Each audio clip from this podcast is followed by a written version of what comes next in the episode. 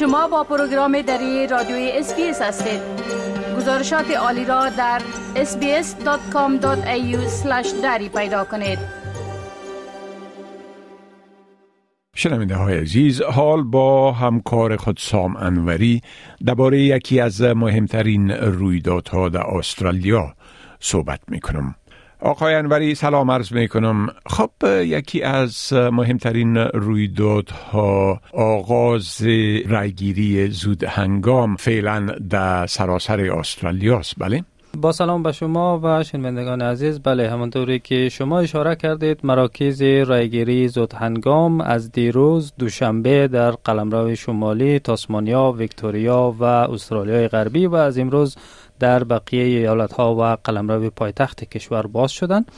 همونطوری که می‌دانید استرالیایی های امسال در روز شنبه 14 اکتبر در یک رفراندوم تاریخی برای برسمیت شناسی بومیان استرالیا در قانون اساسی و ایجاد یک کمیته مشورتی به نام صدای بومیان در بدنه پارلمان استرالیا رای میتن اما کسانی که به هر دلیل نمی‌تونن در روز رفراندوم در مراکز رایگیری حضور پیدا کنند می‌تونن هر روزی که خواسته باشند به یکی از مراکز رایگیری زود هنگام در محل خود مراجعه کنند و رای بتن این مراکز از ساعت 8 صبح تا 6 عصر باز هستند و موقعیت اونها را هم شنوندگان عزیز ما می‌تونن از طریق وبسایت کمیسیون انتخابات استرالیا aec.gov.au پیدا کنند همچنین کسانی که قادر به رفتن به مراکز رایگیری هم نیستند.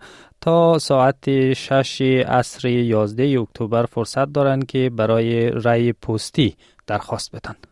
بله خب رای دادن دعی همه پرسی یا رفرندم هم مثل انتخابات عمومی یا انتخابات ایالتی و همچنان انتخابات حکومات محلی اجباری است بله؟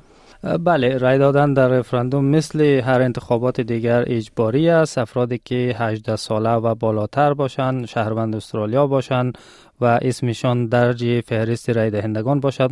ملزم به رای دادن هستند. اگر رای نتن نامه ای از طرف کمیسیون انتخابات استرالیا دریافت می‌کنند که در او از اونا خواسته میشه که دلیل رای ندادن خود را توضیح بتن اگر دلیلی که در جواب این نامه ارائه می‌کنن برای کمیسیون انتخابات قناعت بخش نباشه او شخص را 20 دلار جریمه می‌کنن بله خب مردم واجد شرایط رایدیهی که هنوز ثبت نام نکردن.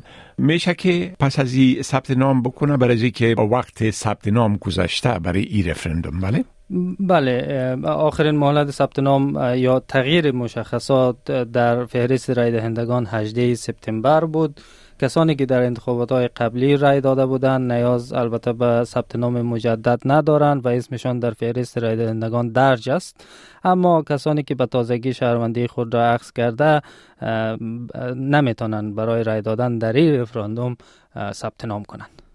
بله خب بسیار تشکر آقای انوری از این معلوماتتان و فعلا شما را به خدا می سپارم و روز خوش برتان آرزو می کنم تشکر شما وقت خوش. بپسندید شریک سازید و نظر دهید. اسپیس دری را در فیسبوک تعقیب کنید.